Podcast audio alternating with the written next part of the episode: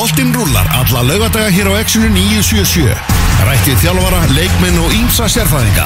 Elvar Geir og Tómas Þór mæta með fótbolta.net á laugadagum millir 12 og 2.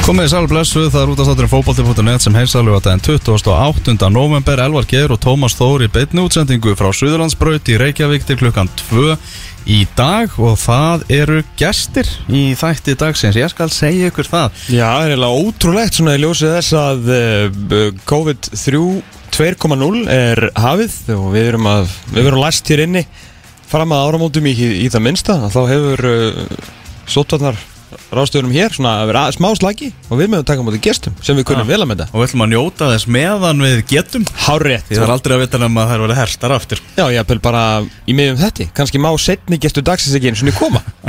Það er möguleik á því.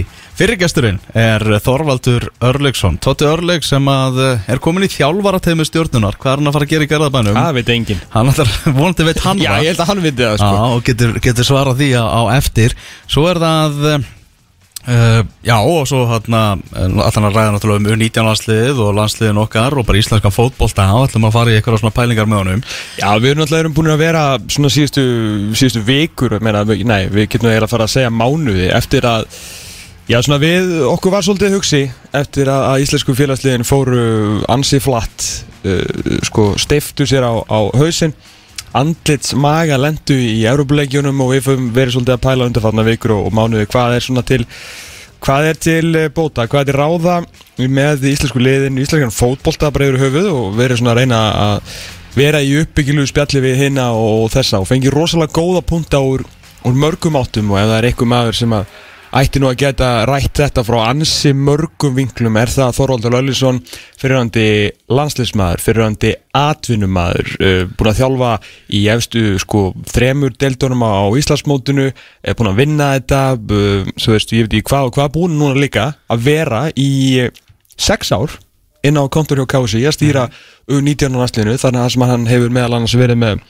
97 98, 99 og alveg upp í 2003 og þarna eru rosalega góðir strákar og náttúrulega má kannski aðeins nefna það eins og við kannski komum inn á við hann á eftir að, að uh, hann var með til dæmis 16 ára gamlan Ísak Bergman í síðasta verkefninu sínu í U19 sko þegar hann var alltaf í 17 verkefni. Hann, hann þekkir mikið þessum ungu strákum okkar og verður mjög fróðilegt að heyra svona fótbóltapælinga tóta og líka það sem að Já, það er náttúrulega breytinga líka hjá KSI, vant að tvo landslist þjálfara í Jápil fleiri. Jápil fleiri. Já. og hérna líka náttúrulega sömulegis að það er að já, verða breyting á þar innanbúðar þar sem að, að það er verið að breyta svona landslýsgluggonum sem þýr það að hérna náttúrulega Totti hefur verið aðstofmaður Davís Norra hefur 17 og öfugt en nú þegar landslýðin spila á sama tíma að það er svona aðeins að, að stokku spilin og, og ef það er einhver maður með skoðanir á fótbolta þá er það Þorvaldur Öllesson mm -hmm. Gaman að taka á móti honum hérna Já. Í setnilutanum þá mætir Orri Páll Ormarsson Bladamaður og uh, reytöfundur var einmitt að gefa út uh, nýja bók sem heitir í Faðmi Ljónsins sem fjallar um þjóðari þrótt okkar Íslandinga enska boltan Nákvæmlega. Hann ætlar að segja okkur frá, uh, frá þessari bók sem fjallar svona já, bara um ást Íslandinga á enska boltanum og svo ætlar hann einnig að ræða við okkur um Diego Armando Maradona sem að fjall frá á miðvíkudaginn eins og allir vita. En uh, Orri Páll mikill Maradona maður og skrifaði bara uh, grein núna í sunnudagsmókanum þessa helgina. Mm -hmm. reysa grein um, um Maradona ekki hans fyrsta grein um, um þennan argentínska snilling og ekki svo síðasta. Nei og, og mér náttúrulega Bóri Páll er svona gæðin sem að fær mann oft til að þegar maður var, ég blaði maður sjálfur og maður las greinar eftir Orapól þá vissi maður ekki hvort maður ætti að, svona já, hlæja eða hætta skilur, mann, mann er leið svo illa einhvern veginn bara yfir því að maður, mann er leið sem maður kunni ekki íslensku. Maður kunni ekki að skrifa þegar maður las veist, hérna greinar eftir eftir uh, Orapól og það er alveg góð og gild ástæð fyrir því að hann er kallaður Maradona liklaborsis bara, mér langar bara að lesa fyrir ykkur bara þess að fyrstu málskrein í uh, greinu Maradona Það segir, sem hendi væri veifað var þeim breytt í steipusíló, stríðstjálfuðu mönnum og vöskum, Reed, Butcher, Fenwick og Locke Shilton. Eða var þetta sjónvarsteknin að stríða okkur? Búið að finna upp aðferð til að sína kappleik í senn á venjulegum hraða eða hægt? Eða á venjulegum hraða á hratt? Eftir því hvernig sem á það er litið. Ef við tökum gömlu góðu eldúslíkinguna var engu líkara en maturislumestarinn hefði hafið upp arabíska sveðju hátt og loft til að kljúfa smérstykki í tvent. Þannig lýsir Maradona leiklaborsins merkasta fótboltamarki sem við höfum nokkuð tíman séð þegar að Maradona sóla allt ennska landslegur 1986 Já, með öðrum orðum þess að þáttur Ég held að við bara verði magnaður. Ég held að en við, áðurinnum við förum í ennska boltan og, og fantasýr um eittan besta í sögunni ætlum að taka ykkur öllstöld og pásu og hér eftir augnablík við að fara í All Things Icelandic Football á ennsku samt eða hvað með Totta Örliks mm -hmm. Amali Skvæður á Hafliða Já, Breiðfjörð herruðu fótbolta.net Hann á Síungur. Amali í dag Og hann sér um lagavalið í þættinum í dag. Ég og er náttúrulega gríðalegur músikant menn her eins og Brúnhildur sagði nú í í Já, árið. Tók magnað viðtal við Sigga Bond núna í, í vikunni sem Já, er vakið feikilega aðtikli og það er kannski vel við hæfið að fyrsta lagi sem að uh, Hafliði velur Er það James Bond-lag? Það er Bond-lag með Guns N' Roses, hann er svo uppbóður sljómsveit Ok. Það er Live and Let Die sem að er, er eh, fyrsta lagið valið af Hafliða í þætti dagsins. Þú ert að hlusta á fótbolti.net á exinu 977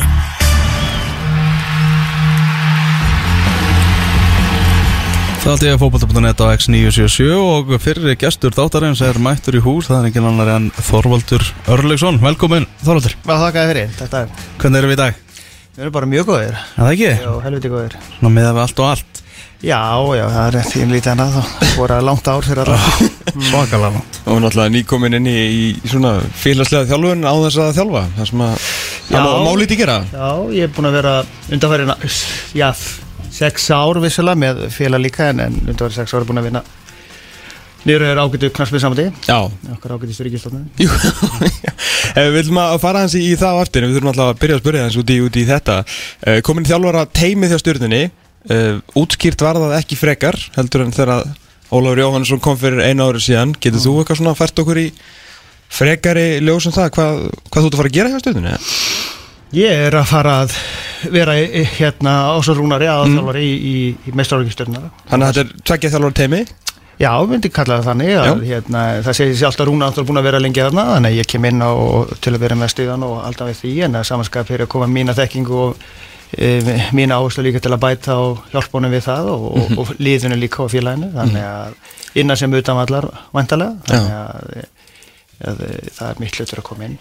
Menn geta kallað það eitt eða tvö en, en við hlustum okkur annan Ég meina það er hérna, þú veist það sem bara stjórnumenn voru að spyrja sig og bara stjórnumenn, fylgismenn og fleiri sem hafa verið í þessu bara síðasta árið eftir að þetta kom aftur aðeins inn núna, mm. bæði Bjárbæju í Gerðarbænum að bara þetta, þetta einfalda dæmi, þú veist það eru tíu menn komnir í byrjunlið, mm. Rúna vill hennan þú vill hinn, vilt hinn Mm. þú veist, er hann, það er þetta, ég meina það þarf endanum bara eins og okkar maga klofskilur, það er þetta ræðið 20 myndur og endanum hafa bara ein á, rétt ákvörðun sko.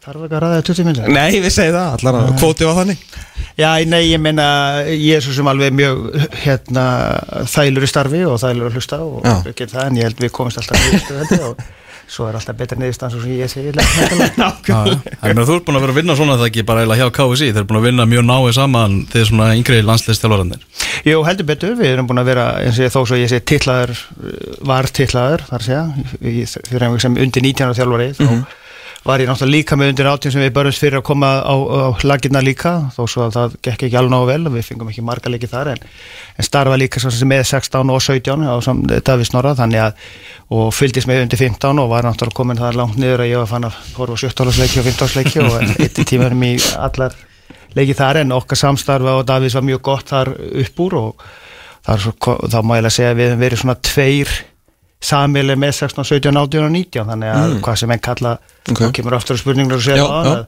að það menn geta alveg unni saman og, og komið að því þó svo ég sé tillar og ber ábyrð á því að Já. þá ber ég náttúrulega ábyrð á úrslutum á þessum 18, 19 og, Mhm. en ég held að við munið þetta þannig að við unnum þetta á þeim faglega nótum að við tókum það heilum pakka og unnum grunni þannig að hafa byrja strax í 16 að vera með e, þá kenslu sem við töldum rétt að byrja þá og reyna að koma í að, að þegar við komum upp í 19 að það væri komið ágætisrútína í mannskapin og menn væri tilbúin til að horfa til framtíða fyrir Já. 21 og jafnvel alið. Hvað hérna, af, af hverju tekur þetta skref eh, aftur í fyrirslega boltan núna? Ég held að sé svona eh, lengra aðrandi bara núna ég, ég er svo sem var búin að þjálfa lengi í félagslegunum og byrja að þjálfa kringum 2000 og eitt og þannig að það er rosalega lang tími þannig og, og þetta er búið að vera fýtt tími í þessu það er náttúrulega þetta áhrif náttúrulega kannski ekki hjálpað til heldur að Nei. lítum verkefni og minkað og, og náttúrulega samt ákvað líka að fara kannski eitthvað e, breytingar varðandi skipulagsbreytingar svo mann nota það orð stórt og mikið skemmtilegt orð en, en hérna í, svo var svo sem komið bara þannig að það var líka að fara svona, ég fann að kikið kringum mig hvað var í síðstæð árið hvort að það var ekki komið tími að fara að pröfa hitt aftur Mhm. eftir að hafa verið í þessu skemm, mjög skemmtilegum verkefnum í kringum yngri landsliðin og, og, og, og hérna náðum frábærum árangri og gerðum virkilega gott jobb með það hvernig við unnum saman og hvernig við náðum að koma laginnar og við sáum bara árangur því í starfi úlingalandsliðsins og hvernig 20. gengur í dag Já, ég held að það sé alveg að uppskera sig e, hvað var það stjörnuna? Þá, þó svo Rúnar hringdi mig núna það skerist náttúrulega hratt núna hann hringdi mig á um, miðugudegi samt á föstudegi. Já, ok. Hann býr nú ekkert langt frá mér að Rúnar þannig Ok, að ég get hjálpa hann með öllu ég get ekki hjálpa hann með pallina svo ólega meiri því. Vissulega, vissulega. hérna, reynda má segja það að þetta sé samt sem áður árs hérna búið að vera ársbragur að ganga í gegn má segja, því að Rúnar ringi mig fyrir rúmlega ári Já. og spyrir mig að leiks og ég uh, sagði þá á þeim tíma, hafði ekki tíma ég var á leiðinu þá með 19. leið til Belgíu. Já. og hafði ekki tök á því þá. Hann fekk mjög góða mann með sér hlið og, og heldur betur og þeir náðu frábærum árangri þannig að ég held að hann hafi bara heppin að segja nei.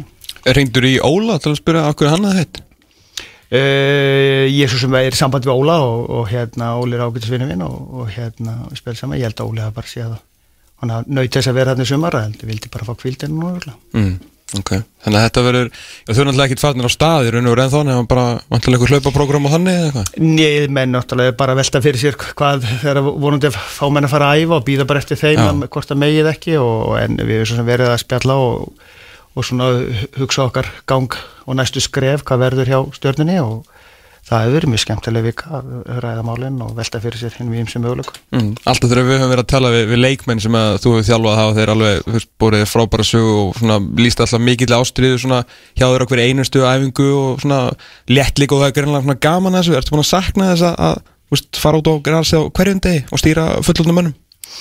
Ég held að ég get svona svara já og nei, ég held að um tíma þá var ágætt eftir að ég var búin að vera mörgum útgáfum af félagsliðum og það var ágætt að fara og, og starfa alveg á fullu starfi við úlingarlastin, það Já. tók sinn tíma og það var, ég meina árið 2019 var, það voru marga ferð erlendis, ég held ég að við eitt innum 110-15 dögum erlendis Ok. í verkefni með þessum öllum landsliðum og Þannig að þetta er ekki bara skrifstofustarf Svona, þetta ánáttúrulega ekki að vera skrifstofstofn Nei, ég segi það, sko. Nei, nei, svo náttúrulega undirbúningu við þetta og sjáum maður allt í að klárt flugferðir og annað það sem við komum að og það var svona okkar stefni í byrjun og við fengum svolítið frjálsar hendur í byrjun þegar við vorum ránir að búa til þetta svona hvað að segja, fasta starf í úlingalastin og við, ég held að við hefum gert það mjög vel bæði hérna kalla megin og, og svo hvenna megin líka að við hefum gert þetta vel og svo náttúrulega kannski vilja með breyta aftur og fara í eitthvað annað far en það fyrir náttúrulega allt eftir hvað að vera mikið verkefnum Er það að fara að gerast? Er það einn ástæðan fyrir þetta að hætta? svara, ég get bara ekki svarað þér, spurningur sko. Ok, ok En, hérna, en þegar þið, hérna, þú veist, þegar þið farið tveir eða svona þið, þú og David Snorri byrja að móta, þetta- móta þetta sem er að gerast Mm. Er það eitthvað sem að svona, þið bara svona svolítið ákveðið eða var það pælingin með ráningun á ykkur eða?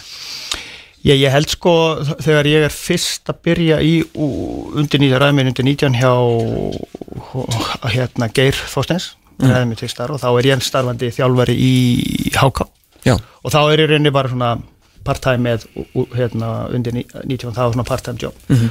þá var náttúrulega var þetta svona kannski öðru í sér leitin en það voru þessir undarriðlar og reyna að komast í milliriðil Mhm. og, og baráttan okkar með minni ágæti úlinganem sem var frábær nefnd og er enn frábær að gott fólk þar sem vann gott starf sem við vorum að berjast fyrir að koma þá inn átjónarverkefni og fleiri verkefni um hann og þvílíkt og síðan held ég að var hugmynd hjá úlinganemnd og ásand held ég Arnari Bill á sín tíma að, að breyta þess að fara meira í fullstarf með úlingalandslís þjálfarana Já. og þá var þessi sérumani þess að búa til 17 og 18 og 19 þjálfur myndi vinna þetta svolítið saman. Og rauninni eh, fara svolítið út í að reyna að skapa þetta starf. Og ég held að það hefði tekist nokkuð vel. Mm Hvað hérna, svona, ef þú hefði verið áfram, hvað, hvert þurfa að fara núna lengra með þetta að þínum mati? Þú veist, hvað er svona næsta skref í bara þjálfun yngri landstæðin okkar? Ég held við séum svo sem ágættis uh, veg með margt uh, það sem við höfum verið að bæta og það sem ég barist mest fyrir undarfærin ár líka kannski er það er æfingar yfir veturinn þar að segja að vetrartímin er náttúrulega hérna þá með stráka hér heima, við erum náttúrulega með marga drengi erlendis í, í 17, 18, 19 liðum oft en þá er náttúrulega fullt af leikmanni hér heima sem viljum fá að hitta og sjá. En, en þá var æfingatímin, við vorum með uh, fínt hús í Kór sem var að fá æfingatíma en æfingatímin var kannski ekki svo besti, það er að segja föstaskvöldi, ágættur lögði síðan á sundarsmodni að í- mín hugmynd var svo reynir sko afreks fólk þyrta kannski að fá að æfa meira og, og þá náttúrulega kemur að vera í miðri viku. En þá kemur skólinn og annað þvílítinni og, og hugmyndi var náttúrulega okkur fyrir mörgum árum að reyna að koma okkur inn í kórin að vera þá í miðri viku, er síðan mánda þriða mikið æfa tvisvar á dag, það er skóli til dæmis, hörðuvallaskóli þar við hliðina og það er mötunetti og það er frábæra aðstæða og þetta byrja og jafnvel í framtíðinni að fá þá mentamannrántinni með og að afriðs fór fengi þá frí ekki sem skróp og það eru þá kennsla og þessir ágættu einstaklega sem mættu að æfinga myndu þurfa að stunda sitt nám líka eftir æfingu líka á mótnana Já. og nýta þá húsi og sveitafélag geta nýtt húsi á er svo sem komið á stað og við náðum að kera þetta í gegn í fyrra en við fórum í skessuna sem er öðris hús og þar inn í þar og það er tekið ágætlega mótöku þar.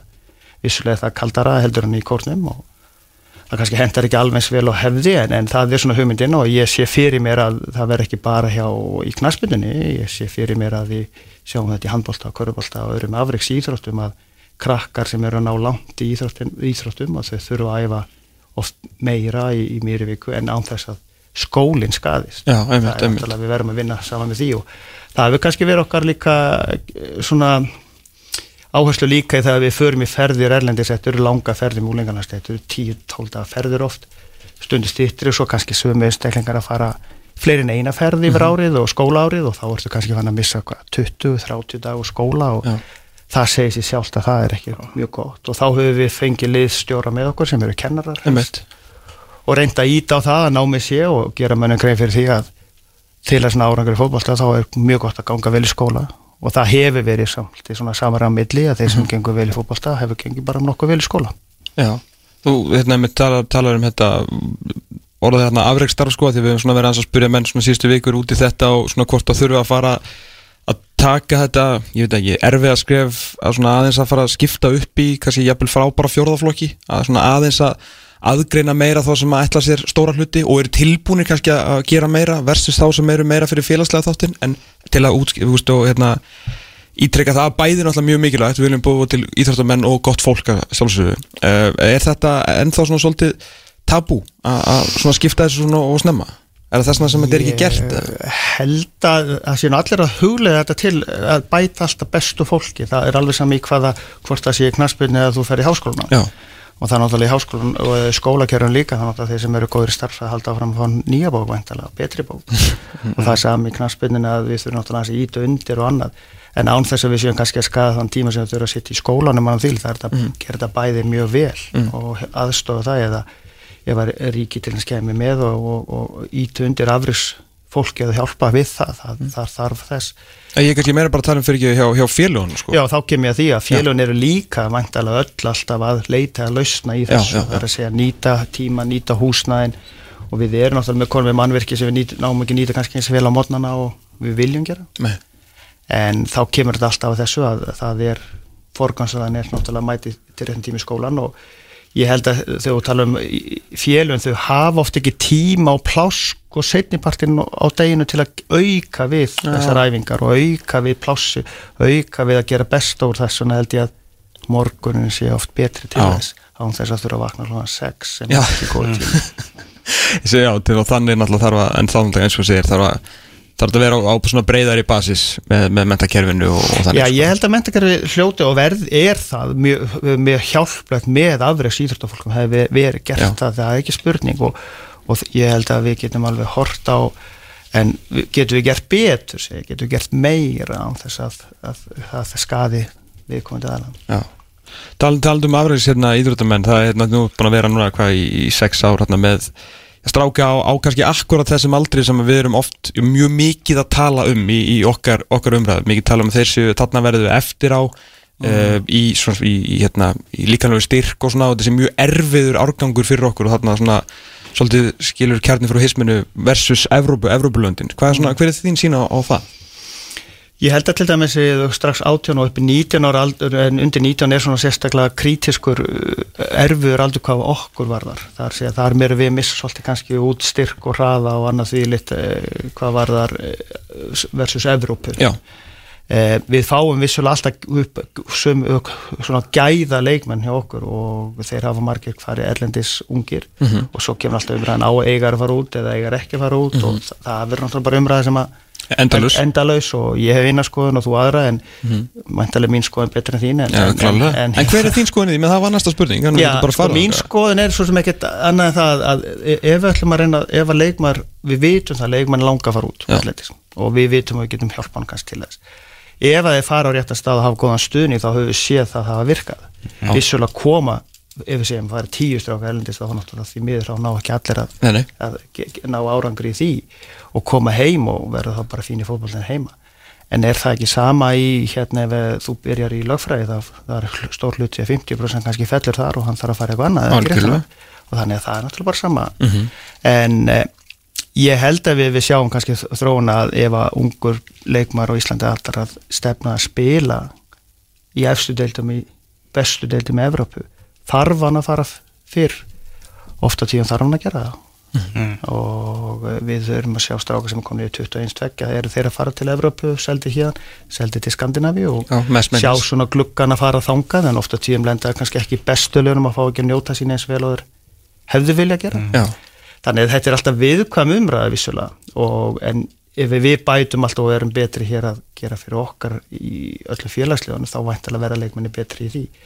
En fjöldi leiki er kannski það sem það kemur aftur að þessum 19 ára strákana okkur vanta fleiri leiki fyrir þennan aldurshóp að spila. Þeir sem landslið. sem landslið, sem einstaklingar í félagslegum líka, Já, já. fleiri leiki fá spila fleiri leiki á herra leveli, herri tempo og yfir lengri tíma. Við kannski sjáum annaflokkstráka spila í enda í september spila jú í einhverju mótum hérna kannski í veturinn en svo er Íslandsmót byrja aftur í mæ þarf ekki að spila meira á herra leveli yfir lengri tíma fyrir þessa stráka mm. Og hvað er þetta með einhverja, pælingar þar? Hvað er þetta að gera? má ekki byrja bara Íslandsmóti fyrr bara, byrja bara í januar og, og hafa það bara inni eða á gerðugræsvöllum og, og spila það þannig ég, akkur ekki. Já, síðan finnst mér kannski mætti fara félagum mætti svona að huga því að annarflokkurinn gera bara að fara að spila meira umgjörun í kringum annarflokkslið að þetta sé þetta er þeirra afregs fólk það er annarflokkur, það er næsta skref er mistarflokkur, það er besta og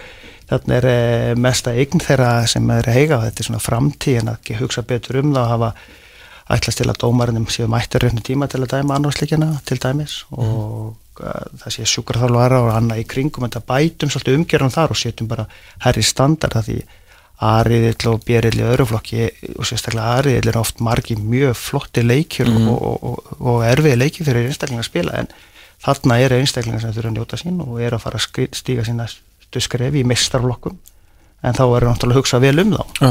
Er fótboltinn nógu góður í, í öðruflokknum? Þá er ég meina, þú veist, er þetta finnst þér þetta sem fótbolta hugsuði skilur, finnst þér að vera að búa til leikmennar eða er bara að vera að að vinna Íslandsmyndartillin í öðruflokki sem að bara, bara sorry, bara það er öllum sama á endanum sko, nema þeir sem vinnur þetta sko Ég held að hann sé mjög mikilvægur þessi skóli að spila þennan annarflokksleik já. Já. Ég held að sé nöðsjöld fyrir mann sem er að berast um að komast í meistarlokkin situr á bekknum að spila þessi leiki alveg sem hvernig standardin kannski misgóður eftir leikjum hann á því leikt og misgóður rithmi en það er huga, það er attitút til að fara inn í en leik og spila hann Já. Og sína það að þú sér fram til að leikma fyrir þitt félag Mm Hvað finnst þér um þessi, hérna, þessi venslafélug sem svona sprottu upp? Verður þetta eitthvað sem að mætti taka fastari tökum að setja þessa stráka í ár og þriðudelt eða er þetta eitthvað sem að þér hugnast ekki? Ég hef ekki séð eins mikið árangar að því og ég hefði viljað það Nei, það er kannski út af því að þau félagin hafi ekki alveg kannski svona sett arma sinna nógu vel utanum þetta Ég heldur bara að hafi ekki tíma eh, fjármagn og annað þvíli sko. Ég held að þess vegna kannski er ekki betra að huglega það fyrst af því sem er þér nær Styrkja annað flokkinn. styrkja annar flokkin og styrkja hugsunni kringu þá einstaklinga og þú ert að tala um afreistar af hverju ekki hugsa betur en bestu minna þar og gera betur í kringu það heldur en að þú til annað venslafélag sem Já. þú ert ekki tilbúin að eða peningum í ferðarkostnaði eða kaupa bolta Nei, einmitt. Sem að við svo séð sko. En hérna aftur að þessum út versus ekki út. Uh, maður sér svo að því Bjarni Guðjóns verðna í spjallið okkur um daginn og var að tala um, um frandasinn sko að þeim leistu þetta vel á þetta Norrköping dæmi fyrir utan náttúrulega þessi við höfum séð þetta virka áður sko. En það var búið að segja að hann er að fara með mestarflokki hvað, 17 ára gamall eða eitthvað. Um, náttúrulega versus þessi strákar sem að sjá stórun öfn á, á, hérna, á blæðinu hvort sem að þau séu í Hollandi eða Englandi eða eitthvað en þeir eru samt að fara í akademíunar 17 ára en ekki kannski 15 ára eins og þú Aron Einar og Kilvi og svona strákar sko. hvað, hvernig, hvað finnst þér það að vera að fara inn í þessar, þessar hollensku akademíur Ég held að þetta sé náttúrulega alltaf spurningin sko, hvað hefur þau val á, hefur þau mörg val þegar að fara út, er, þetta, er þetta eitt val? Ef að það er valið versus að bara vera hér heima til dæmis. Ég, það, það er vola erfitt að standa og stoppa ungan dreng eða stúlku sem vil fara, það er fyrsta sem er. Einmitt, og þú segir ekki það betra hér. Ég held að fara á rétt að þú færð á réttan stað og, og það er góður hérna bakgrunni þinn í fjölskyldu kringu þig og bakka upp í það að hjálpa þér og styðja við þetta þá skadastu alls ekki að einn eða annan hátt. Þú verður einhverjum meiri möguleika að vera góði fótboltamaður eða verða betri. Það er ekki þar með satt að þú verður að spila á hestalöfeli það er ekki þar með satt að verða endalist atvinnum en ef þú ætlaðir að stefna hátt þá held ég að þetta sé eitt möguleikinu og ég er vel betri síðan náttúrulega eins og á endanum er þetta alltaf, alltaf á persónu bundið sko, eða ekki, já. Jó, jú, þetta er náttúrulega einstaklega svo svo alveg á hvaða stað þú þarft að hafa smá hefni með þér á þeim mómenti að rétta uh, lendin á réttum grúpu eða réttur stöðu og vantar stöðu þenn, þennan flokk eða þetta lið eða menna leit eftir þessu og við erum náttúrulega alltaf að sjá að það eru oft, það er söluvari fyrir vi- ákveðin leikmann á þessu mómenti og annað því mm Já, hvað, með hérna eins og svona allt, allt þetta bara allt sem við höfum verið að, verið að tala um svona knaspinni sambandið og, og svona eitthvað skonar ég veit ekki, ég, veit- auðvitað er það yfirbygging yfir, yfir allt saman sem við, sem við gerum. Uh, þarf, þarf sambandið að búa til eitthvað svona skýrari stefnum alltaf heyrta þessar árið stefnu, ég er ekki að búin að veist, sjá hana eða komast eitthvað svona í hana en maður alltaf fagnar þessi að vera að, að búa hana til.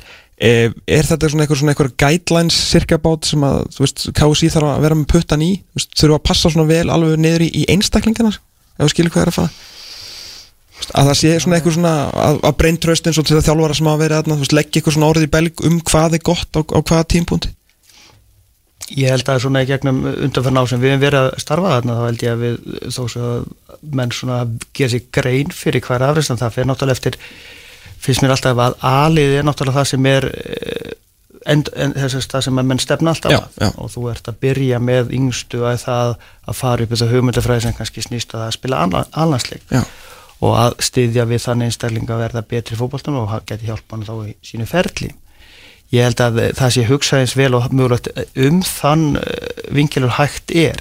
En það má aldrei gleyma að leikmaðurinn er náttúrulega í eigu viðkomandi liðs, Já, hann er ekki í eigu landsliðsins, þannig að liðið og þeir sem þjálfa landsliðsmenn þeir verða að gera sér grein fyrir að ég er að fá hann bara að lána hann sko. Já, já. ég er að hjálpa hann að bæta sig en í lokin er það alltaf félagslið og það sem á hann og að bera svolítið meira ábyrð að gera þann einstakling betri. Mm. en það eru þetta hlutverk sambands og knaspin saman að styðja við bestu drengina og hjálpa hann Já. að vera betri. Þú segir að alhanslið sé, sé toppurinn að sjálfsögðu. Uh, er hérna er lína frá því niður? Eða þú veist, eru, er verið að gera þú veist, varst þú að búa til leikmenn fyrir alhanslið, var það alltaf svona pælingin þín eða ert þú alltaf bara að hugsa um þinn strák í bara að gera hann betri? Eða eftir að reyna að gera hann alhansliðsmanni upp á ég veit ekki, system og, og pælingar þar og allt svona og hefur yfirmaður knarspindmála einhvern veginn breytt þeirri sín eftir að hann kom inn hann Arnar ég get ekki svarað hvort hann er breytti en, en það sem ég get svarað að við höfum náttúrulega byggt hugmyndir okkur hugmyndir og hvernig menn haga sér og annað í úlingastarlandsliðin þegar mæti það er þau verkefni sem er að þau haga sér í þeim tilvillum að að að hvernig er byggt upp í alanslið líka Ok. það er að segja að menn byrja svolítið virðingu fyrir verkefnunum og virðingu hver öðrum í því sem er að gera uh, vissulega líka þau vart að velja leikmann þá fer það alltaf svona inn í hausina sko, er þetta framtíðar alanslið Mm. en það er náttúrulega þegar þú tala um marga það er náttúrulega endur það bara samkjöfna mellir vissir einstaklingar Mhm. svo er náttúrulega alltaf spurningin hvað landslið á að vera mjög mikið puttan að færa mann í stöðu þegar vantar vissa stöður og þarna sér það efnilega við eigum mikið að miðjumennu kannski Mhm. þurfa að færa nýrið aðra stöðu til þess að þegar vantar í framtíðinni fyrir okkur vissa stöður í allandslið Mhm. það er alltaf pælingar sem að er hægt að gera annars slæðið en það er aftur kemur að því félagi á leikmannin Já, og leikmaðurinn er, vil kannski ekki spila þessa stöðu. Hann stefnir á að vera bestur í miðjumanni hjá sínu félagslið þannig að það er svona, svona pælingar sem oft verður svolítið kannski er þetta sannfæra menn. En vissulega þú ert að velja hóp, velja lið úlingarna þá ertu náttúrulega alltaf að horfa til er viðkomandi maður framtíða landslismadur og það er náttúrulega alltaf vonin. Já. Og þá hefur það alltaf bak við þau er En þú veist eins og, eins og með þetta, mér finnst það mjög áhugavert með, með að gera manna kannski ykkur öðru heldur en niður en, en ef þú sérð defensífan miðjumann sem er samt bara ágætlega röskur, kannski ekki besti defensífi miðjumann en þú sér hann sem hægri bakur vandræðast að hjá allansliðinu uh, finnst þér það of mikið að, hérna, að landslýstjálfur eigi ekki að hafa puttan í því að þú sér að þetta félag á hann? Eða myndið þú ganga til að svona eh, þú veit í U19 hér ég sé þér sem hægri, þú veist, ég persónulega Þorvaldur Öllarsson sé þér sem, sem hægri bakur veist, þú getur spilað U19 landsleiki. Ég myndi telja að það myndi gera líklega sem U21 hægri bakur, þá mögulega A. Og myndur fara í félagins og segja, skilu, ég, ég sé þetta, fattur við Já, það er alltaf, við höfum alltaf átt þess að vera við, við, við komum til félög kannski að þjálfara þeim félögum og, og rætt þessi málega við hendar og það er oft komið svo stað og það hefur gert og það hefur leist og það hefur margi leikmenn, ég ætla ekki að fara nefna einn nöfn, það eru mörg, mjög mörg dæmi Ok. við hefum fært menn niður og fært yfir og þeir eru að spila þær stöður í dag og hafa komist til landslið og verið Ok. okay. enn að spila landslið í dag Þannig að taka þetta samtal gefur sér vel bara. Það getur gert það, já. En Þetta er alltaf viðkvæm nótum og verður alltaf að vera þannig en, en þetta er náttúrulega alltaf pælingar, það er ekki þarfisett að það þurfa alltaf að gera og þú hafi rétt á því, þú með þetta verður náttúrulega að fara svolítið réttan, réttan leiðir í því en, en það hefur svo sannlega gefið góðan kost og við sjáum það í alhanslinu ekki núna eldur, þetta færi bara 10-20 ár hefur verið svo, hefði því að breyta mennum með stöður en stundu getur Sko, Hvernig eru ungir íslenskir fótballtamenn í dag og bara karatnir menn þú varst eitt slíkur og efðu með slíkum síðan varst þú eldri leikmaður með ungum síðan varst þú að þjálfa ungar leikmenn og alltaf bæði félagsliðum og þjálfa eldri leikmenn. Hvernig, hvernig kynsluðunar eru þessar þessi nýjasta kynslu, hvernig týpur er þetta? Ég held að þessi nýjustu, sem nýjustu, kynnslóður í dag sem eru að æfa í þessum aldrei úlingarlandslegum frá 16 upp í 19 eru mjög metnafullir einstaklingar sem ætla að ná sér langt og við eru tilbúin að hlusta á og gera allt til þess. Þeir eru uh, kannski öðru í því karakter enginum að þeir eru ekki hugsanins mikið um fitnesslega slutan kannski hvað var þar uh, langklaup eða hlaup úti eða fara út að hlaupa heldur mikið með boltan og vilja ná langt en stór hópur af þessum uh, einstaklingum uh, er stefnir ekkit endur að spila fyrir sitt félagslega heldur að fara erlendis. Ok, og ertu ánægð með það? Þér það alveg með það? e, Þú þarft að spila fyrir þitt félagslega til að ná árangri. Ok, ok. En e, ég skil, jú, jú, ég er mjög ánægð með það og það er mjög gaman, það er margir góður og sterkir einstakling sem koma í gegnum þetta hjá okkur í gegnum kerfin og, og það er alltaf hverja ári sem við sjáum mjög góða fólknumenn og, og þess vegna hef ég haft gaman að ég fara en neitt mótið undanfarin 5-6 ár og, og ég greint að fylgist ég var þjálfa akkur, ég fylgist náttúrulega mjög vel með. Og það er alveg ótrúð að koma sér oft kardiringin þess sem er byrja þar þó svo sé margt sem er eftir og fljótt að koma þetta er fljótt að koma eftir það líka. Þannig að þessi, það hefur uh, lagast mikið okkur undanfarin ár. Sko, ég, ég bara svona var rólið nokkar leikskíslur yfir þessa árganga sem þú að vera með og maður svona kannast við marga bara sem fótboltamenn sko og maður svona, vá, þetta er auðvitað þessi verið draumur, þessi verið draumur síðan bara, úf, þú veist, ég myndi ekki vita betur og myndi bara vera á Instagram hjá þessum og þessum og þessum sko, þá ég myndi aldrei ímynda mér að þeir væri svona fótboltamenn yfir höfuð, en eru þeir þeir eru samt sko þrátt fyrir að vera kannski meiri típur en, en þið voruð í ganda kannski svona eh, samt algjör fagmenn þegar þeir eru komin í skóna Ég myndi ekki kalla það meiri típur en við vorum langt í frá. Öðruvísi típur, það er rétt að þeir hafa öðruvísi hérna hvað að segja, öðruvísi tækju og tól til að sína sínar eh, Frábærlega. já, sem að sína sínar karaktersenginni, það Já. sem við þurftum ekki og vildum ekki og munum ekki vilja nota í dag. Sko þið, er eiginlega alltaf sko þín kynslu, það er meira að tala um karakter þar sko þeir eru típur í dag. Já, þetta er mitt, ég held samt við sem kannski fann að nota þetta karakter oft og mikið, það er það vanti karakter það vanti þetta. Það breytist náttúrulega með árunum, það er eins og öllum hlýtur að vera í öllum störfum, lýsins ekki bara knaspinu, það breytist og þetta eru, í dag myndi ég segja að þetta vensi, það væri metnafullir ungu drengir en þetta eru viðkvamari sálur heldur en voru til í gamla Einmitt, var kannski einmitt næsta pæ- spurning á mig sko að hérna þarftu að taka allt öðruvísu höndum á strákur svo þjálfur í dag versus þegar þú byrjaðir í bransanum ekki spurning hver er helstu mörun? Máttu ekki, máttu ekki hæka rómin eða? Ég sé það nú ekki, ég hef svo sem aldrei verið mikið fyrir að hækka róminn á þeim momentum sem að er það, en að hækka róminn hefur kannski aldrei alltaf leist öll vandamáli Nei, full, er fullkomin heiðarleiki orðið og kannski orðið Ég held að sé meiri svona, þú þarf vera meiri kannski á tánuga hvað, hvað er að gerast heldur en áður, þó þú þarf svona að fylgjast með, með einstaklingnum. Ah, Og nær umhverju hefur meiri áhrif í Já, það eru svona, það eru fleiri möguleikar, það eru fleiri áhrif og það er fleiri hitt og þetta, þannig að eins og sé, það er svona breyst margt í því en, en, en það er ekki þar með breytinga séu verri eða Nei, nei, nei. En, en það eru öðru þessar sálir og það er það er, það er ætlast til mér, það er meiri pressa ná lengra, það er meiri pressa að, skapa sér nafn og, og það er fljótt að berast út. Hefur þú þurft að- svona bara upp á þitt game sjálfur, bara vera aðeins meira bara modern gæi, þú veist, með, til að halda í við þessa stráka, til að geta þjálfa og skýrlið þá Ég veit ekki hvort ég á að taka sem mókun ekki eitthvað sem er hvað, en, hérna Ég er ekki að tala um í Já, þjálfun, ég er bara að tala um í- Já, í lífin líka. Já, Ég myndi að lifa nokkuð modern gæi í lífin líka en, en, hérna, ég skal segja að auðvitað verður þjálfari aðla sig að öllu aðstæðum og, og vinna með tímanum í hvernig sem það er og við í Íslandi þurfum ekki bara aðla okkur að því hvort sé hérna, vetu, vor, sumar, hausk og það þarf líka aðla sig eftir árstíðum og, nei ekki bara árstíðum heldur líka hver, hvernig áriðin breytast og, og aðstæður annað, það, það er ekki spurning og, og það er ímislegt, það eru margir ráðgjafri kringu hvernig einstakling. Þetta, þetta var fögur leið til að nota þess að fara í pappapolítík en svona skemmtilegt. Þú mátt taka eins og Já, já ekkert mál, ég skal fara að gera það. Er þarna breytingar náttúrulega núna hjá A-landsliðinu, það er svona kannski umdelt orð kynnslóðaskipti en það eru vissulega, það eru vissulega breytingar, það eru menn úr gullkynnslóðinu að detta út og, og svona fleiri munu detta út á, á næstu árum þjálfaraskipti framundan og allt annað, hvernig horfir svona, þú sem að þekkir alla okkar ungu leikmenn, hvernig horfir svona, horfa næstu ár við þér og, og bara það verkefni sem að, sá maður sem að sest í landslýstjálfarastólinn er að fara að takast á við?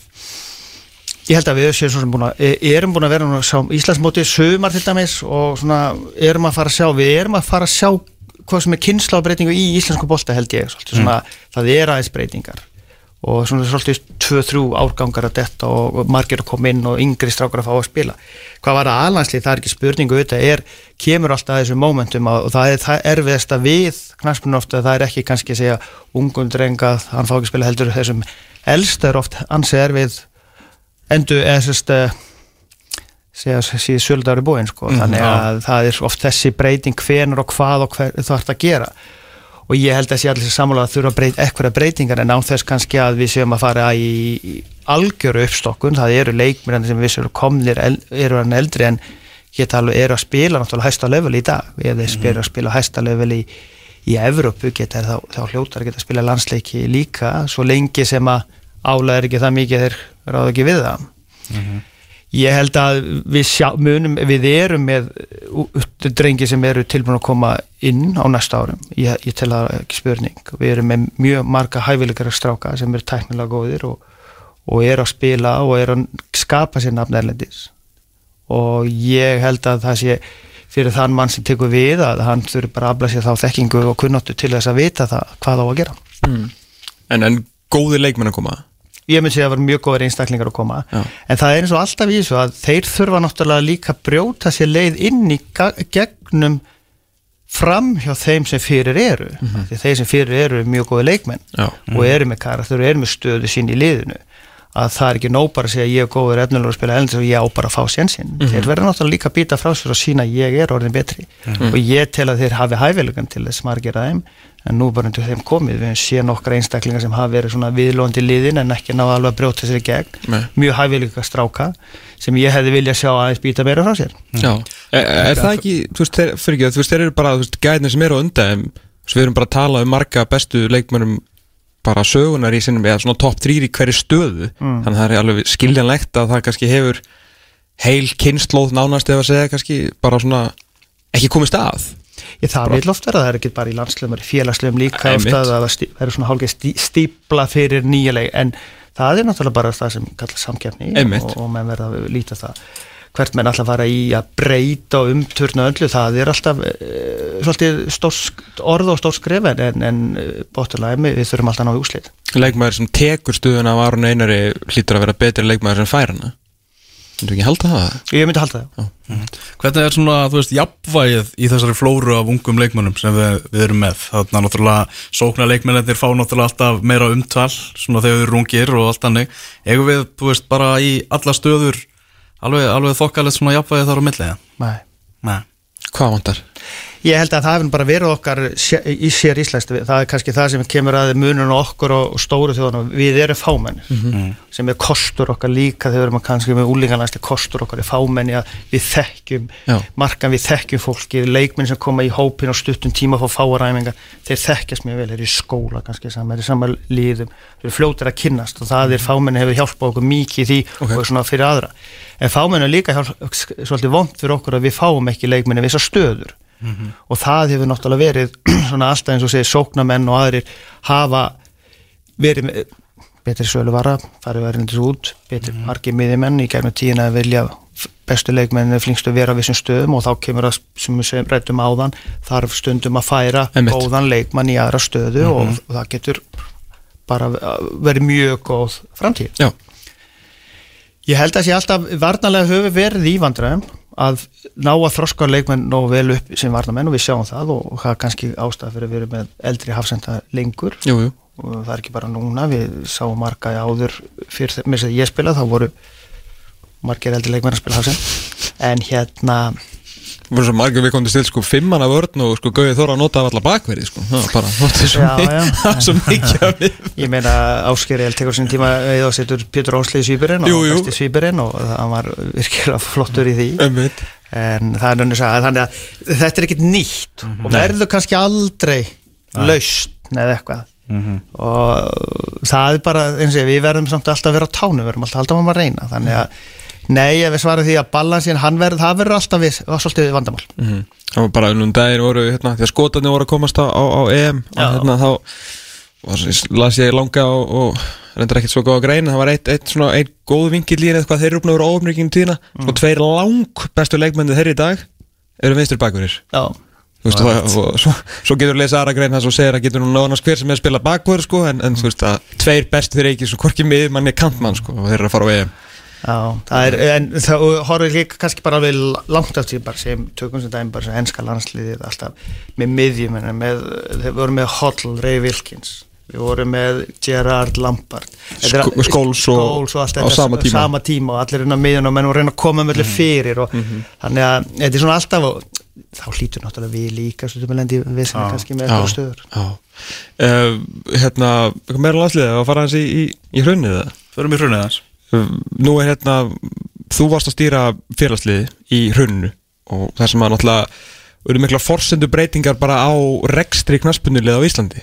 Og núna þáttur ekki bank, bankstyrarnir hafi ekki gert þetta af sér í þetta sinn sko að þá er samt nánast sama staða að koma upp núna. Það er mikið, mikið peningar skortur og, og svona öðruvísi framtíð allar næstu árin í, í, í Pepsi Max tildinu og þú komin inn í þetta aftur. Hvað, hvernig var þetta bara til að reyna að förum hérna 12 ára aftur í tíman svona eftir, eftir hrun, Hva, hvað var það sem breyttist? Já, segja nokkuð, ég tek við fram 2007 Já.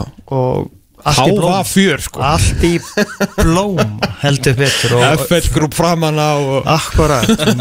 Stóri stafir stórt F, stórt F nákvæmlega.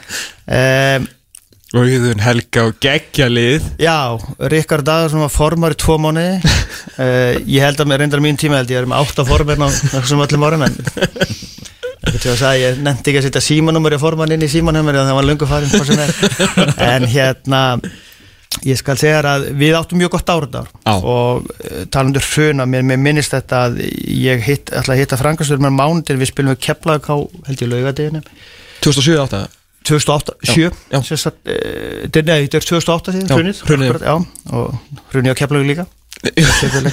En hérna við á fund með Frankstonir hérna, við ætlum að labba hérna niður FL-grú var hérna rétt ofan ykkur hérna, hvað, skipald, skefun, nei, hérna ármúlögstar hérna rétt hjá, yes, síðmúla síðumáli, já. Já.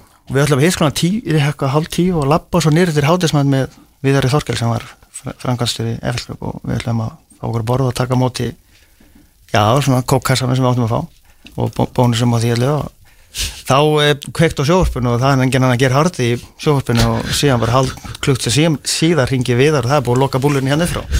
Þannig það var svona byrjun að endalókinu var því að við fórum eiginlega alveg á hausinn sko. Já, og það var svolítið mikil vinna framöndan því því að koma að halda þessu gangandi fram, við vorum koni í Evrukefni og ég endaði mig sjálfur á Frankstofn og Brynjar Jó og fleiri að við fórum bara gegnum allar þessum eiginlega breyt öllum samningum og ég svona horfið tilbaka. Leikmenn voru þokkalega meðvitaðir og öllu en, en kannski ekki allir og við þurftum að breyta öllu dæmin og við, við surviveum með rétt í gegnum þetta ár sko.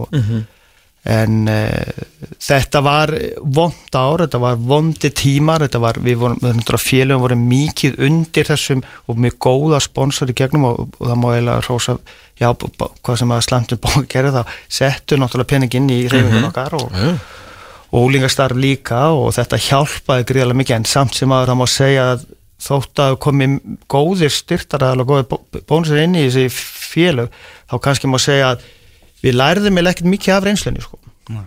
við nýttum kannski ekki peningan alveg nógu vel á þessum tíma það var of ísi eitthvað en allt ekki bara í fótboltan, mm. heldur allstað og það er alveg ég það er svona svipuð tilfinning sem ég fekk í fyrra vetur og, og svona kannski búið að vera fyr, eða svona í vor og í suma svona, svona svipað tónn en á annan mát Já. það er ekki kannski neitt einu ekki að benda á einn núna eða eitthvað þetta er Bara eina veiru bara? veiru sem er Já, að verða ár síðan við erum að þessar fréttir að, með hana, þannig að það er svona svolítið tótn í því, en ég held að maður myndi kannski svona eftir hrun að fara aðeins skipulari leiðir í þessu, sem mýður er ekki alveg gengið nóg vel. þú helst það já, ok Ég er bjart sinni Já, ég skilji, ég skilji við dreymir um að fá sítt alltaf. Já, Eh, Hvað hérna, hvað er að fara að breytast? Er að fara, minna, eftir hrun miklu fleiri erlendi leikmenn, eðlilega og, og svona fleiri ungi strákar auðvitað þurftu að, að fá mínútur eru að fara að horfa á nákvæmlega saman hlutin og er það ekki bara ágætt eða? Ég held að fara rosa mikið eftir félögum og hvað félögum er heiðalög til þess að fara í þá leið sem er best fyrir þau að gera. Uh, vera kannski ekki elda þann sem er sterkastur í þeim fjármálinn sem er, heldur fara eftir sínum fjárhag og, og reyna að rekka eftir því og vera bara virðingu fyrir því og, og reyna að koma þeim leikmunum inn sem er reyga. Ég held að það sé svona lausnin á næstunni og menn eru náttúrulega á tánum, við vita náttúrulega ekki hvað framtíðin er núna sérstaklega, við fyrir uh, tíu dögum ef við tala saman þá hefur við verið bjassínari en, en svona síðustu tvo daga hefur þetta breyst aftur Jú, að jú. ég held að fótball sé náttúrulega líka svolítið á tánum með það og þetta fyrir rosalega eftir mismundi félögum og hvernig rekstur um hverju er. En það er samt sem áður að koma það menn eru búin að vera aðeins að horfa á kynslabreytingan og ég held að sé áframhald á því. Þú hérna náttúrulega svona frætt hvað þú varst að gera mikið hjá fram sem er kannski vantarlega verið út af að neðinni og, og nöttukornu og allt það þurfti náttúrulega að gangi í hansi mörg störf sko, en, en svo líka frétti maður svona á sinn tíma að þú vildi líka hafa svolítið puttana í öllu og líka svona sérstaklega uh, að segja, vera svolítið upplýstur um líka bara hvað var í gangi í, í bókaldinu. Þú veist, hérna, er það, er það er maður rétt? Og þú vildi svona vita hvað væri til, hvað væri hægt að gera þannig að var það vantarlega til að vera ekki að búlsita leikmannin eitthvað? Eða bara fyrir þig Ég myndi ekki segja bara fyrir mig, ég til bara uh, það sem ég var ráðin í það starfa að vera þjálfari og sjá um ímsa hluti það- hvort sem var þau fram með annars þá tel ég með svona ábyrð mín og þessum þjálfari að vita nokkur neginn út af hvað rekstur og annað gengur og hver peningan er að fara og annað þvíleitt að getum við nýtt peningan eða getum við gert betur og annað þvíleitt að við reynum að segja stunda heiðuleg samskipti við leikmenn og aðra sem er í kring að þetta er, er áhuga manni félag þannig ég tel, taldi mig bara ábyrgan í því og kannski fór ég með puttan langt og sem er kannski ekki en, en, en ég er eins og ég er og ég tel að það sé rétt mm. Myndur þú veist, mæla við þessu fyrir aðra þú veist, ef að þeir myndu leita ráða þeir sko ekki ég myndi alltaf uh, segja að fyrir mönnum að þjálfurum að reyna að vera með eins miklar upplýsingar og mögulega getur það hlýtur að hjálpa til lengri. Já. eh, lengri tíma sumi vilja náttúrulega bara einbætt sér að þjálfa og láta sá um hitt og þetta og svo být, það er þannig en ég tel í mínu tilfelli sem fram og önnu félög, hvort sem við háká eða fram eða hérna geflaðik eða hvað sem er að ég til að mín aðstóð og annað hafi hjálpa félagum til að vera betur eginn og, og, og, og koma leikmennu erlendis og reyna að sína bækurnar réttum með við núlið og ekki sína heldur gera Já. Hvað, hérna, hvað veist þér um, um PSM Max-deildin í dag? Bara eins og, leikinu svo sást í, í sömur Hvar eru, eru stattir svona geðalega og, og þannig? Svo rosalega erfitt að dæma þetta ári á Já, ok. ég. Held að við getum eiginlega aldrei en samt sem það fannst mér mjög skemmtilegt að horfa á, á móti bara eins og ön- önnur ár. Já, ég var eh, náttúrulega viðlóti að þætti na, í fyrra árun undan 2019 og svo horfði maður aftur núna aðeins öðri sér nótum sko. En auðvitað hefði þess að áhrif þetta start, stopp eða byrja að hætta já, ekki. en, en mér fannst leikmenn samt uh, gera það nokkuð vel og þjálfarar voru náttúrulega bara í fullur vinnu við að reyna að halda þessu gangandi. Mhm. þannig að en samt sem að sá maður sko að þjálfarastéttin er svo sem ekki í háfum hafð og um leið og kom smá bjátt á þá voru allir reynd að setja alla á einhverjar hlutabótalega eða bara koma menni niður og lækka allir á þjálfurum samt sem að voru þeir að vinna meiri vinnu. Já, já, þannig ég held að sé svona kannski umhugsunarvert fyrir reymingun okkar eða fyrir þjálfara í stéttina á Íslandi að fara að reyna að hafa hana herra að setja og reyna að menn fara að standa saman í því að þetta er þokkalega góð stjætt að við séum að verja hana vel Hvað, hvað mennur með þessu? Svona, Já, ég meina bara þjálfara séu ekki, þá er ekki að tala um að séu öryggir í starfi heldur að þeir séu bara öryggir því að þeir séu áleitnir því að ef að eitthvað bjátar á að séu ekki lækkaðir í launum strax eitt og þrýr já, ok, ok Þú, hérna, náttúrulega færist mikið aukana, hérna, uh, fullt starf uh, núna, veist, er það ekki bara besta máli það? Þú varst, þú varst í því að fram Það er mikið talað um alltaf sagt, ertu 100% starfi Já. í þjálfun ég vel, ég vilt að, ef þú ert í 100% starfi ef þú ert í 50% starfi, ertu þá bara í fyrirháling Þannig að 100, skilu, ef ég er ráður út að kallar öll, annar, þú vilt hafa menn í starf og gera hlutina, ef mm. við komum til lið ræður í vinnu, þá ertu náttúrulega með þetta alveg 20, allan tíman alveg í þessa þjálfun, hvort sem þú sért í annar í vinnu. Já, já, það er bara stundum hvort þú getur eða ekki. Ég til kannski efstu deldu í Íslandi þegar þú ætlast til að það sé þú ert settur í starf að þú hugsa vel um þetta. Þú ert með 25-6 leikmenn á launum hjá félagi marga. Þú ert með það stórt þetta það er orðið stórt business. Er þetta ekki orðið þannig að þú þarf að ætlast til það að þjálfarin sé að hugsa um þetta? Já, einmitt. Herru, því að við erum að fá hérna sérfræðingi í Maradona eftir, eftir smá, hann er svona nú nær honum í, í aldrei heitnum heldur, en- heldur en okkur hvað hérna, hvað hérna Takk fyrir það Já, ekkert mál sko hérna, hann reyndar ekki mér, ekki að Nei, nei. ná fóröldur einum held ég Já, sko. Hvað hérna uh, þið, á, á, áttu ykkur svona Maradona minningu? Já, í marga góð, sko, Maradona fyrir mér er bara eitt af skemmtilegasti fótboltar sem hefur spilað á á jörðin held ég Já. Ef ég, ef ég bara- spyrir hver er bestur, segir þú uh, svarar þitt Maradona? Ég, þetta er alltaf svolítið því að mann segja hver er bestu leikmann svona Já. alltaf. Í- þetta lítur náttúrulega alltaf að segja hver er hvað og hvað tíma út alveg upp og allt þetta Mhm. ég myndi segja já, hann er bestur ég, ég, segi, hann, ég man kannski geta eftir einum auðvitað alltaf þessi leiku, englansleiku með hendina, hendi Jú, jú. guðs og alltaf mér finnst mjög áhugavert í bandaríkjunum alltaf en eh, sko, mér finnst þetta bara svo að karakterin hann fer frá Suður-Ameríku er inn í Evrópu, þe- þessi gæi er náttúrulega allt sem að, það hefur verið mjög erfitt að vera Maradona held ég. Já, það er svo sannlega orðaða þannig. Hann Líka fyrir og- já, og bara þetta er svona, þetta er svona þessi stjarn eins og bílandi má segja. Já, já, en uh, ég er svo sem hef en, ég myndi segja þann sko það sem hann kemur með líka þessi einstaklingur þessi tækni vinstri fóturinn og allt þessi Mhm. balans, þetta er, þetta er svona náttúrulegt það sem þú vilt hafa í lið og þú ert tilbúin að fara á völlin og horfa á svona karðir þú veist aldrei hvað gerist. Nei. Þú, þú ert alltaf að spila bara þegar hann er þú veist, Já. uh, já upp á sér besta og allt það, ég meina þú veist, voru bara leik, þegar þú fer í aturmennsku þú veist, eru leikmenn bara í, í, í fórist að tala um hann, skilur, bara hvað er í gangi þarna og, og hvað þannig, þú veist, er hann var hann það stór og hann bara einhvern veginn held aturumönnum í, í ennsku deildinni bara svona einhvern veginn já, á tánum bara og við veit alltaf svona alltaf allir að pæli, pæli í honum Nei. ekki? leikmenn í Englandi voru að ræða um leikmenn í Európa Nei, þeir bara tölum bara sjálf sig og fengið sér síkó? spáði hvað, þeir voru ekki spáði það þeir vissu rétt hvað gatar er næsta hér.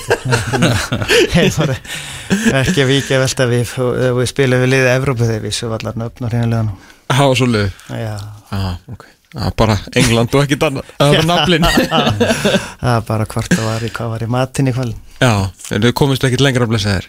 Ég bara, það, skilur það bara þeir voru best bestir og, Já, meinar. Já, Já.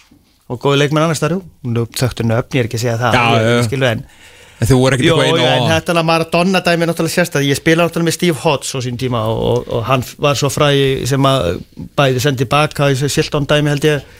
Uh, fekk síðan treyjuna eftir leikin og skrifaði heila bókum held ég. Og, og hérna undan algjör toppmaður var þóra þrjú völkof Steve Hodge. En þetta var samt svona, við höfum svolítið fyndi alltaf, þetta. Er leikmann sem spila fyrir Tottenham Forest, Leeds mm -hmm. fóru þrjú völkof en hælæti að var held ég eitt kapli var í bókinu um þessa treyju hann fekk treyjuna eftir hann leik ah, þannig að það er svona að segja svolítið um þetta atvik Já, bara gæði sér fyrir á þrjú að fyrir ekkert hver sem er á þrjú heimsmestramót sko.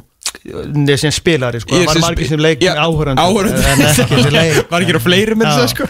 en ég er að segja að það er ekki, það er ekki mjög margir heim sem hafa gert það. Og eðir, eðir kaplaði um að fá, fá þessa treyfi Ég ást allt gaman að því sko, Já. en, en svona segir kannski allt um þetta atvik þetta, að því að þetta atvik er ekki bara hendin, það er ekki bara Silton lítur illa út, þetta er náttúrulega fálkanstríði líki háum hef Margit Tats er búin að senda eitthvað að dalla þarna til að fara að taka fálkansegjarnar og Jú, jú þannig að það var allt í gangi Englandi sko gagvart argentinu, mikið hatur hann í kring og ég meina Ossiar Díles var ekki vel voru á tóttinum og þeir átti vandram líka. Svona argentunum en átti ekkert mikið samt upp á við englendingu á þessum tíma. Þannig að Maradona fekk kannski hefur ekkert fengið svona hrósi fyrir kannski nú undanfarinn 5-10 ár í Englandi þannig sagði- hugsa ég, það var svona þegar þetta samkvæmlega sko mikið dræða mikið um hennar mann kannski, Nei. það var sér geggjaður í fólkválta Emitt, emitt, svo það er sko að mínútu þögn eða mínútu klapp, ég man ekki hvort það er núna í- Klapp. að klappi á, í- fyrir alla leikina. Fyrir sko erki óvinnin Já, mannins þeir eru búin að að leggja sér fram með að hata hann í, í sko 34 ár. Já, þannig að eh, þeir er samt, maður finnur svona að lesa, ég er nú vil lesa, dörlu að lesa ennsku blöðun undanfarið að maður samt, ég er alltaf að hlýju og mynd þegar menn að tala um hann í dag frá Englandi, sko, nema Píti Silton. Herru, ég ætla að segja, hann er hérna búin að vera að tvíta og við viðtölum okkar, hann er ekki búin að ná sér. Ég skil það líka. Vel út með mann sem er 1.55 og hægur hoppar þetta þú en nei, þetta, ég, auðvitað er hann pissed off. Þetta, náttúrulega breytti her- ansi miklu fyrir marga, Já. þetta marg. voru þeir ekki alveg, voru þeir líklega til að vinna þetta móti, þú veist, voru ekki með, þetta ekki eitt af betri liðunni þeirra? eða er ég, Ég, er man nú náttúrulega bara ekki sko. eftir Evrabóti heimsmálsmöndi án þessu englendinga séu líkt Já, ég er, ég er að meina hinum megin frá. Ég er ekki alveg viss hvort það er en, en eins og segja, þeir voru með fín, flott lið eins og yfirleitt eru en, en eins og segja, svo kemur bara einn gæi þarna að klára þetta. pakka þessum bara saman sko. Já, Silton er alls ekki búin að jæfna sér sko. Nei, en Argentínumenn er náttúrulega svona, segja, við fyrir alveg aftur 78 þegar Argentínu vinnur Holland í úsleik Þannig að ég segi sko þeir hafa alltaf haft mjög marga svona skemmtilega góða leikmum Mari Kempes og svo típur en, en þessi gæi og við höfum alltaf með hann í Peli Peli spila náttúrulega meira minn í Söður Ameríku og í Ameríku svo fengum aldrei að sjá hann kannski spila með félagslið í Evrópu. Nei, nei. En þetta, ég held þetta er mínu einn af mínum uppáhald bara svo margt í kringum hann, ekki bara mitt var slæmt og gott Pele er alltaf miklu líkari Messi sko Þeir eru svona álíka döl sko. Ógeðslega góðir en það er ekkert mikið svona Þeir eru ekki að breskir og Maradona sko. Nei, svona, ég held kannski við mig líka ekki náttúrulega fengið eins mikið frettur og um hann því hann kannski kom aldrei til okkar í Evrópu og við erum svona blítar í Evrópu búar að elska Maradona mörg, mörguleiti og í dag held ég að við elskum hann enn meir eftir allir sem frettin Já, held ég. Þorvaldur Alvarsson, takk kjærlega fyrir að koma. Ríkilega gaman að fá þig. Takk að verið, takk um, Ég veit ekki hvað, þú ekki út ekki að fara allan að æfa Þannig að það er bara Húsast með að köpa jólaserjur eða eitthvað? Nei, ég er nú bara að fara heima að mála stofunum mína, skal segja. Já, já, það, það er þú eitthvað Til að fyllir mínu það er líklega reyðlega að segja Þorvaldur Alvarsson, eh, aftur takk kjærlega fyrir komin og ríkilega gaman að fá þig. Hérna, Eftir augnablík ætlum við að mynda að fara aðeins í ennska boltan Því að Orri Páll Ormarsson, kallar Maradona leiklaborsins Var að gefa út nýja bók um þjóðarsportu okkar, ennska boltan Og sömulegis er hann, já, sérfræðingur í Diego Armando Maradona